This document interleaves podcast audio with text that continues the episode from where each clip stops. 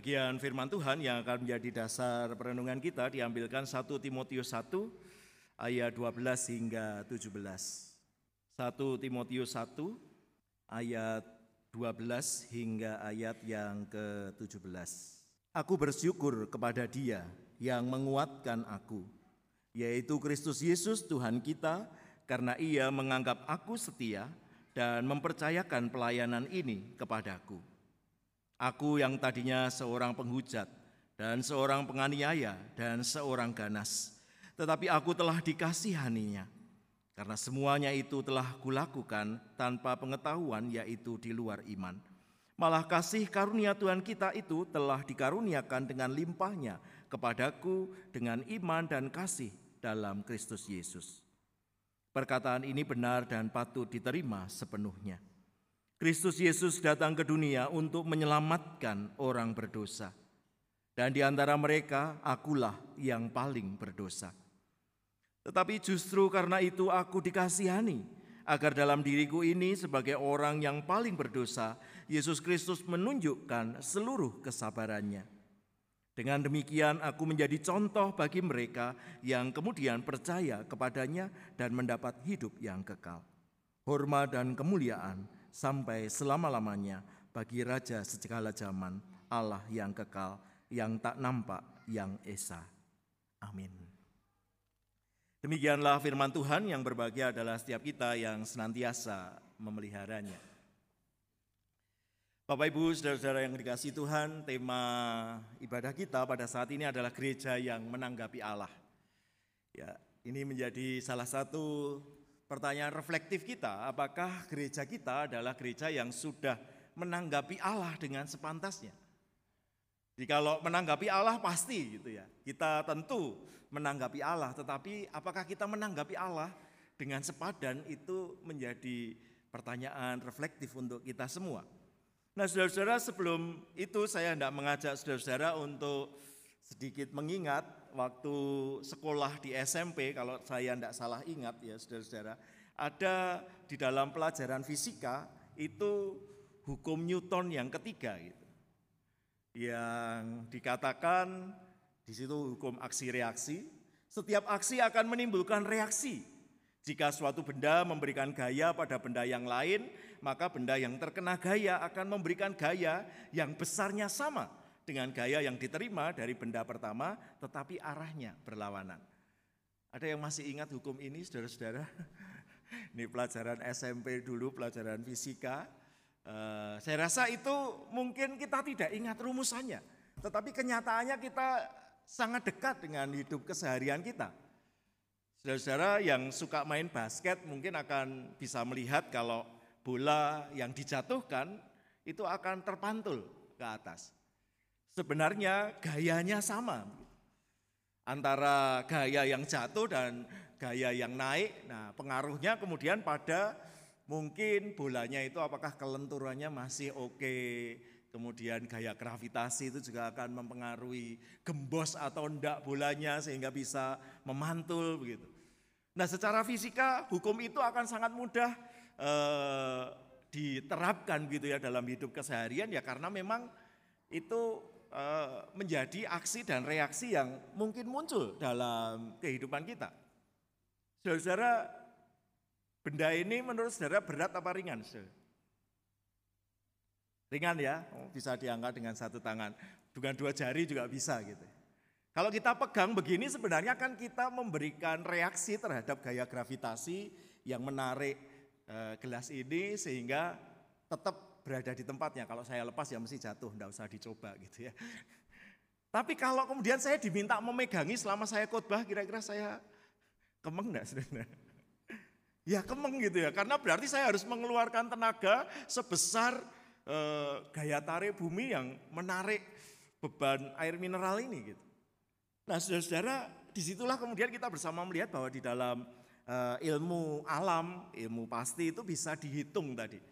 Kira-kira gayanya berapa, nanti reaksinya berapa. Nah yang kemudian sekarang di dalam konteks hidup kita sehari-hari bahwa ternyata itu pun juga muncul di dalam keseharian kita. Namun ada sedikit berbeda begitu ya kalau itu diberlakukan kepada hidup kita. next slide ini saya pencet kok tidak jalan. Ya, wow, kebalasan. Ya, bahwa dalam hidup keseharian mungkin ada orang lain yang beraksi kepada kita. Lalu bagaimana reaksi kita? Nah ini ada banyak faktor yang mempengaruhi saudara-saudara. Kalau dalam hal ini tidak bisa dengan begitu saja diberlakukan hukum fisika tadi. Hukum fisika tadi kan kalau gayanya itu didorong sekian, reaksinya pasti sama besarnya dengan arah yang berlawanan. Mungkin kita pernah ketemu dengan orang yang seperti itu.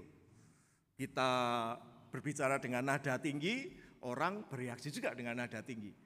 Ketika kita berbicara dengan nada yang eh, soft, orang lain juga membalasnya dengan nada yang soft juga.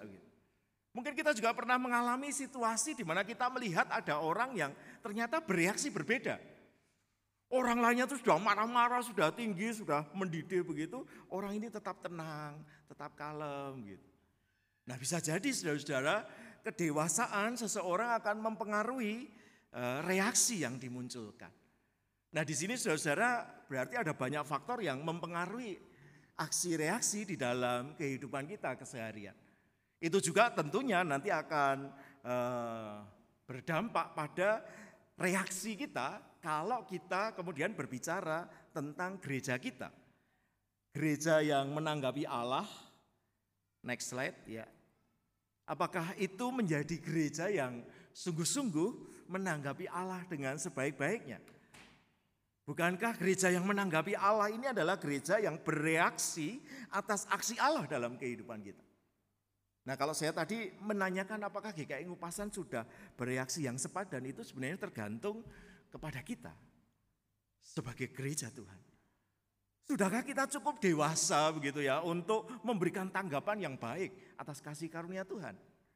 Ataukah kita masih sebenarnya gerejanya saja yang besar tetapi kita masih terus bertumbuh, masih belum menemukan respon yang eh, terbaik untuk menanggapi Tuhan? Nah saudara-saudara di dalam kenyataan kehidupan itulah yang terjadi. Pada mulanya Allah lah yang memberikan aksi dalam hidup kita. Kita melihat di dalam kitab kejadian Allah yang membuat langit, bumi dan segala isinya. Allah lah yang kemudian juga menjadikan eh, binatang, tumbuhan, dan terakhir manusia. Dan kemudian Allah lah juga yang memberikan tanggung jawab kepada manusia. Nah bagaimana reaksi manusia terhadap apa yang dipercayakan Tuhan kepada manusia itu, saudara-saudara. Awalnya baik, awalnya baik. Tetapi begitu waktu berjalan, manusia kemudian pengen menjadi seperti Tuhan. Nah di situlah titik manusia jatuh dalam dosa. Tetapi Allah adalah Allah yang maha kasih, Allah yang terus memberikan aksinya dengan kasih yang terus menerus dalam kehidupan kita. Sekalipun manusia sudah melakukan dosa, betul Allah memberikan hukuman. Karena Manusia perlu menanggung akibat dari apa yang dia lakukannya, tetapi kasih Allah itu terus diberikan kepada manusia. Tuhan mencoba membimbing uh, manusia ini kepada jalan yang benar ketika mereka masih berproses begitu ya dari manusia yang jatuh dalam dosa, kemudian dipilihlah Abraham masuk kepada kehidupan uh, bangsa Israel. Ternyata bimbingan Tuhan itu juga e, begitu rupa sampai Tuhan memberikan sepuluh perintah Tuhan. Ternyata kasih Tuhan yang besar ini tetap tidak bisa mendapatkan tanggapan yang sepadan dalam diri manusia sampai akhirnya Tuhan memberikan anaknya yang tunggal untuk menyelamatkan manusia yang berdosa. Dan itulah yang kemudian menjadi karya yang paling besar yang dilakukan Allah untuk kita semua, baik sebagai pribadi, sebagai komunitas di dalam Tuhan, Bagaimana kita kemudian menanggapi kasih Allah itu, bagaimana kita bereaksi atas aksi yang diberikan Allah dalam kehidupan kita. Next slide. Paulus menanggapi Yesus. Itu menjadi contoh bagaimana Paulus di dalam kehidupannya juga bereaksi terhadap aksi Kristus. Walaupun kalau kita mau melihat siapa dulu sih yang eh, beraksi, ya kita bisa ngomong Paulus juga beraksi, dulu namanya masih Saulus ketika dia memilih untuk menganiaya orang-orang percaya, orang-orang yang mengikuti jalan Tuhan dianiaya.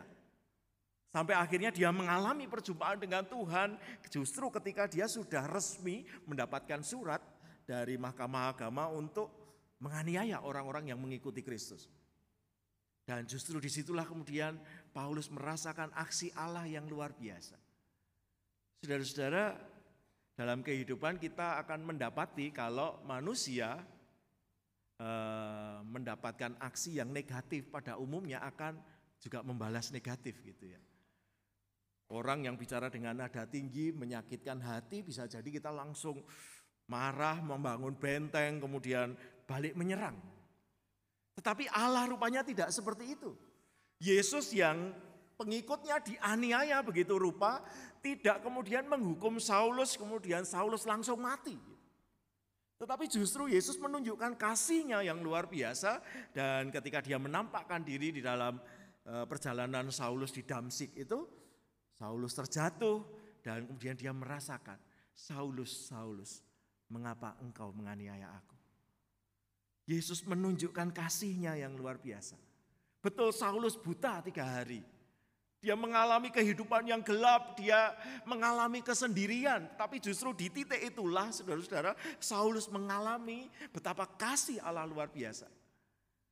Kalau dia membayangkan kemudian dia buta selama-lamanya, bagaimana dia akan bisa berkarya di dalam kehidupan ini. Itu sudah menjadi sebuah bencana yang luar biasa bagi Saulus ketika dia mengalami kebutaan.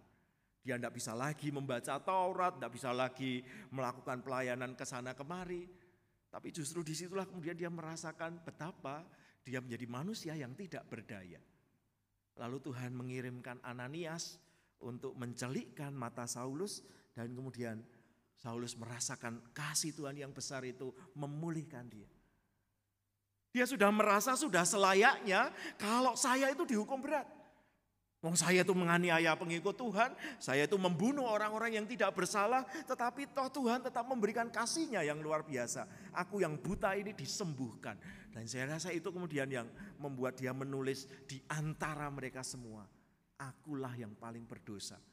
Itu Rasul Paulus kemudian namanya berubah merasakan begitu. Kasih Tuhan yang luar biasa ini. Dan itulah yang saya rasa memberikan eh, kepada Saulus yang kemudian menjadi Paulus ini cara hidup yang berbeda. Dia kemudian sungguh-sungguh menghayati kasih Kristus. Dia kemudian sungguh-sungguh melihat Yesus ini adalah Mesias. Dia belajar dengan sungguh-sungguh tentang bagaimana kelanjutan karya Allah dalam perjanjian lama berlanjut pada perjanjian baru dalam diri Yesus. Dan kemudian dia dengan tekad yang kuat harus memberitakan Yesus ke mana pun dia pergi. Dan itu yang dia lakukan. Dan secara luar biasa kita melihat sepak terjang Rasul Paulus ini sangat besar di dalam kehidupannya. Lebih dari 50% perjanjian baru adalah tulisannya Rasul Paulus. Dia yang memberikan dasar-dasar nilai-nilai hidup kekristenan dalam kehidupan kita. Dan saya rasa itulah yang kemudian dia ungkapkan kepada Timotius ketika dia mau mendorong Timotius ini melanjutkan karyanya. Mari kita lihat di ayat 12, Rasul Paulus menuliskan dengan pembukaan, aku bersyukur kepada dia. Next slide. Bahwa bersyukur itu menjadi bagian yang kemudian melekat dalam diri Rasul Paulus. Dia berterima kasih kepada yang memberi segala kehidupan. Bahwa seharusnya dia itu sudah mati, Saulus ini sudah mendapatkan hukuman, tetapi toh masih diberi kesempatan untuk hidup dan berkarya. Dan di situlah Rasul Paulus bersyukur, aku bersyukur kepada dia yang menguatkan aku, yaitu Yesus Kristus, Tuhan kita. Saudara-saudara, pergumulan Rasul Paulus itulah yang kemudian membuat dia mau melakukan apa yang terbaik di dalam kehidupan ini. Dan bukankah itu sebenarnya juga panggilan setiap kita? Saudara-saudara dan saya yang sudah menerima Kristus sebagai Tuhan dan Juru Selamat, bukankah kita sudah menerima karya keselamatan itu di dalam hidup kita? Dan bagian pertama yang penting untuk kita lakukan adalah bersyukur atas kasih Tuhan itu. Bahwa ungkapan syukur kita itulah yang kemudian akan membuat kita mau melakukan hal-hal yang menyenangkan hati Tuhan. Saudara-saudara, saya rasa gaya hidup bersyukur ini perlu kita tumbuhkan dalam hidup kita untuk menanggapi kasih Allah dalam kehidupan kita, juga dalam kehidupan gereja kita. Hari ini menjadi bagian dari bulan cinta gereja. Saudara pasti tahu arah eh, pelayanan firman pasti akan diminta mendorong bagaimana supaya tanah yang ada di sebelah utara gereja ini bisa terbeli, bisa dibayar dengan lunas, entah dengan persembahan yang saudara berikan melalui amplop bulan cinta gereja, atau melalui janji iman yang saudara buat, atau melalui apa pun juga yang bisa kita lakukan, maka bersyukur itu kemudian akan menjadi bagian yang melekat di dalam diri kita. Dan kalau itu yang menjadi kesedihan kita, saudara-saudara, saya rasa kita akan menemukan hidup yang lebih menyenangkan di dalam kehidupan ini. Karena ketika kita mau menjalani kehidupan ini dengan penuh syukur, wow, kita akan melihat ada banyak hal luar biasa dalam hidup kita. Ada banyak hal-hal baik yang Tuhan terus berikan dalam hidup kita. Yang kedua, saudara-saudara, yang kemudian didorongkan Rasul Paulus adalah ketika dia mau menerima kepercayaan. Next slide. Di dalam bacaan kita ditunjukkan karena ia menganggap aku setia dan mempercayakan pelayanan ini kepadaku. Saudara-saudara, Tuhan bukan hanya memulihkan Rasul Paulus. Kalau mau pakai teori matematika tadi ya saudara, Paulus, Saulus itu negatif itu ya. Dia itu kalau dari saudara negatifnya di sana ya. Dia itu sudah negatif, mungkin negatifnya itu sudah banyak gitu. Dia melawan Tuhan, menganiaya jemaat Tuhan, membunuh orang tidak bersalah itu kalau ditarik bilangan negatif itu dia sudah negatifnya jauh sekali. Oleh Yesus dia ditangkap dan kemudian ditarik kembali bukan hanya dinetralkan di titik nol saudara-saudara, tetapi dia justru dipercaya untuk melakukan hal yang positif di dalam hidupnya. Dan saya rasa itu menjadi bagian yang akan juga dipercayakan Tuhan kepada kita. Tuhan tidak berhenti dengan menyelamatkan kita. Tuhan tidak berhenti dengan membuat kita dibebaskan dari dosa dan kemudian menerima janji keselamatan dan kemudian kita akan menerima anugerah hidup kekal bersama dengan Dia. Tetapi Tuhan juga pertama tadi mendorong kita bersyukur, yang kedua mempercayakan pelayanan itu kepada kita. Saudara-saudara, kalau kita mau berefleksi, GKI Ngupasan ini berada di tempat yang sangat strategis di kota Jogja gitu ya. Gereja GKI yang paling gampang ditemukan itu ya GKI Ngupasan. Kalau mau kasih ancer-ancer buat orang luar kota itu paling gampang GKI Ngupasan ya. Karena semua orang pasti tahu Malioboro, hampir di ujung belok nabrak gereja GKI Ngupasan gitu. Coba saudara-saudara ngasih ancer-ancer GKI Wongso Dirjan karena agak susah terus sebelah utara stasiun di Penggoan nyelempit kok koyo gudang, ancen bekas gudang gitu ya. Tambah susah lagi bentuknya bukan gereja. Gejayan juga susah sudah-sudah mau ngasih informasi. Masuk jembatan merah terus ada gereja, gereja ini cilik gitu ya. Walaupun jemaat yang datang lebih banyak dari GKI Ngupasan. GKI Gondomanan juga relatif lebih susah dicari daripada GKI Ngupasan. Saya rasa ini menjadi peran yang penting yang kita miliki di dalam konteks kita memberitakan firman Tuhan. Apakah ada yang baru pertama kali datang di GKI Ngupasan hari ini, saudara-saudara? Kalau ada angkat tangan, biasanya pada tidak ngaku. Padahal hampir setiap hari mungkin ada gitu ya. Orang yang dari luar kota datang ke GKI Ngupasan baru pertama kali gitu. Karena gampang dicari. Nah ini saya rasa menjadi bagian dari tanggung jawab kita sebagai gereja untuk menjadi tempat di mana ada musafir yang merindukan firman Tuhan, merindukan pelayanan di dalam eh, ibadah. Mari kita bangun peribadahan yang baik di gereja kita. Kita berikan yang terbaik untuk Tuhan ketika kita melakukan hidup peribadatan. Tetapi tentu saja gereja kita bukan hanya berhenti pada pelayanan di lingkup internal, saudara-saudara. Mari kita perhatikan pelayanan-pelayanan yang menjangkau di luar GKI Ngupasan. Kita bersyukur bahwa kita punya pelayanan di Ngembes, Nitas karena punya pelayanan di Sragen, Purwodadi, SMP Budia Wacana, dan lain sebagainya. Ada banyak pelayanan-pelayanan keluar yang kita lakukan. Dan kepercayaan yang Tuhan berikan adalah terus supaya kita lebih berani gitu untuk berkarya keluar. Kalau besok tanah itu sudah menjadi bagian dari kompleks GKI Ngupasan, saya rasa, saya rasa pelayanannya bisa lebih lagi, saudara-saudara. Ada tambahan lahan untuk parkir, mungkin kalau dibuat lantai dua, lantai duanya bisa buat apa? Mungkin anak-anak muda siap-siap kalau nanti jadi kafe gitu ya, dikelola misalnya. Ini eh, cetusan ide saja, barangkali itu akan menjadi bentuk pelayanan-pelayanan yang baru untuk belajar uh, entrepreneurship dan lain sebagainya. Ada tantangan ke depan yang Tuhan percayakan kepada kita. Sudahkah kita menerima kepercayaan itu di dalam kehidupan kita? Dan Rasul Paulus sungguh-sungguh memegang itu, saudara-saudara. Rasul Paulus sungguh-sungguh meyakini bahwa dia dipercaya untuk melakukan pemberitaan Injil sehingga dia berani mengungkapkan keberadaan dirinya. Aku yang tadinya seorang penghujat, seorang penganiaya, seorang ganas, aku telah dikasihinya. Semuanya itu telah kulakukan tanpa sepengetahuan di luar iman. Kasih karunia Tuhan telah dikaruniakan kepadaku dengan limpahnya. Dan kemudian eh, dia mau melakukan bagian terbaik untuk memberitakan firman.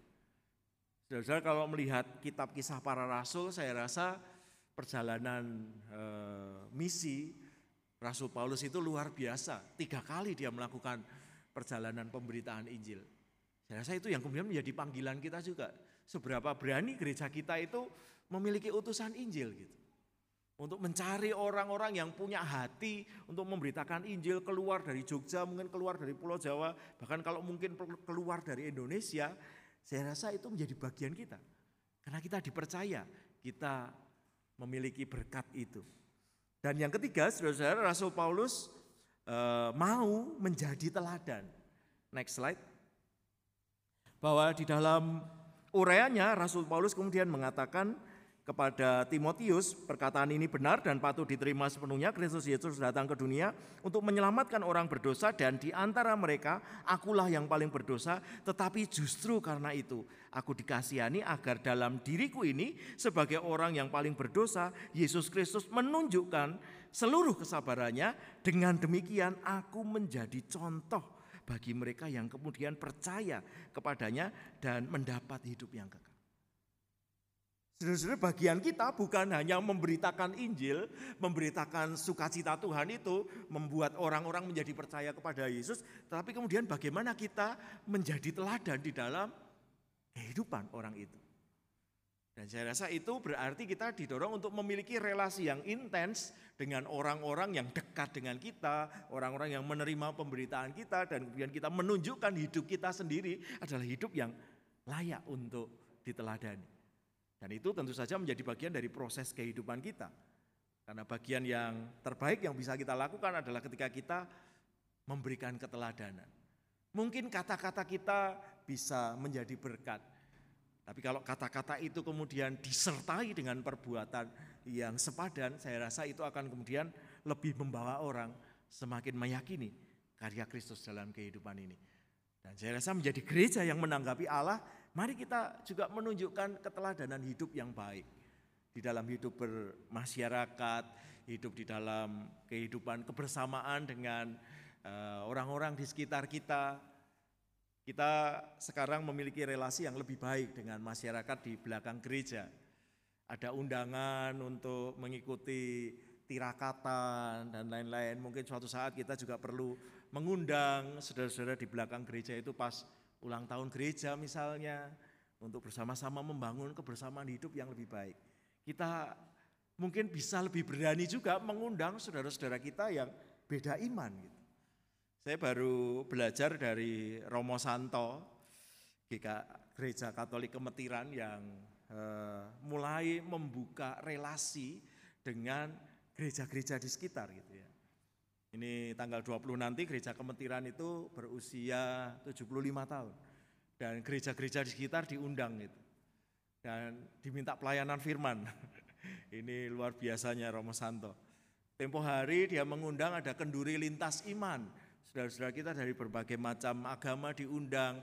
Masing-masing diminta menaikkan doa sesuai dengan keyakinan masing-masing mendoakan gereja Katolik Kemetiran. Saya rasa gereja kita ini lebih tua, laparnya umurnya sudah 80 lebih. Tapi saya kok belum melihat gerakan ke sana gitu ya. Untuk lintas iman ini kok masih uh, kita perlu berproses bersama. Bahwa kita perlu menggandeng. Kita sangat dekat dengan Muhammadiyah di selatan situ. Kita juga perlu uh, melihat bahwa ada banyak uh, agama yang ada di Jogja ini yang perlu kita sama-sama bangun relasi dengan sebaik-baiknya.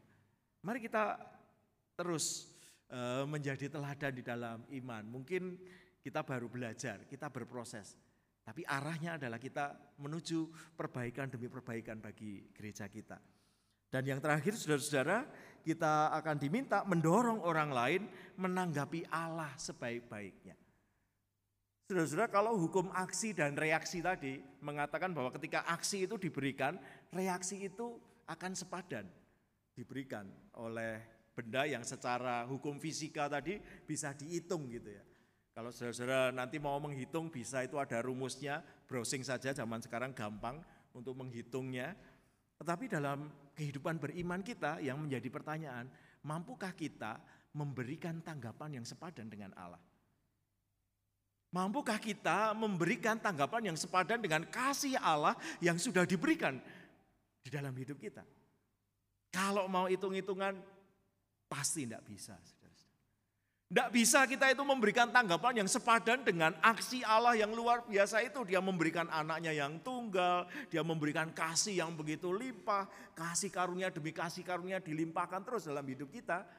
Lawang kita aja masih hitung-hitungan kok sama Tuhan. Kita itu masih sering uh, melakukan sesuatu dengan uh, berdasarkan apa yang kita pikirkan sendiri gitu.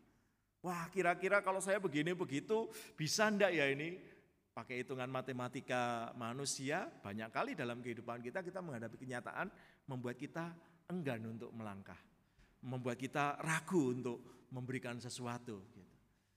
Dan itu yang kemudian menjadi tantangan bagi kita. Beranikah kita menanggapi Allah sebaik-baiknya? Sepadan sudah tidak bisa, saudara-saudara. Mau lebih apalagi? Pasti kita turun dari sepadan tadi menanggapi Allah sudah tidak mungkin sepadan ya sebaik-baiknya yang bisa kita lakukan. Nah kalau saudara-saudara mau mewujudkan itu di dalam konteks bulan cinta gereja ya mari kita terus mendukung bagaimana pembelian tanah itu bisa segera terselesaikan. Itu menjadi bagian kita. Seberapa mari kita berhitung dengan sungguh-sungguh. Seberapa ya yang saya bisa berikan. Dan itu akan menjadi janji iman itu bisa dikatakan sebagai janji artinya sudah-sudah tidak harus e, memberikan saat ini juga, oh saya bisa memberikan sekian, tapi dalam jangka waktu sekian. Per bulan saya akan menyisihkan dana sekian untuk bisa mewujudkan janji iman saya. Itu berarti kita sungguh-sungguh berhitung sebaik-baiknya. Seberapa yang kita mampu, seberapa yang kita bisa, mari kita tunjukkan kasih kita kepada Tuhan. Kita menanggapi Allah, sebagaimana Rasul Paulus sudah meneladankan dalam hidupnya. Mungkin kita bukan orang yang paling berdosa kayak Paulus. Tetapi kalau mau berefleksi, toh dosa kita sebenarnya juga banyak. Kasih Allah juga luar biasa dalam hidup kita. Oleh karena itu mari kita berikan, usahakan yang terbaik untuk kemuliaan Tuhan. Kiranya Tuhan memampukan kita semua. Amin. Waktu teduh untuk kita bersama.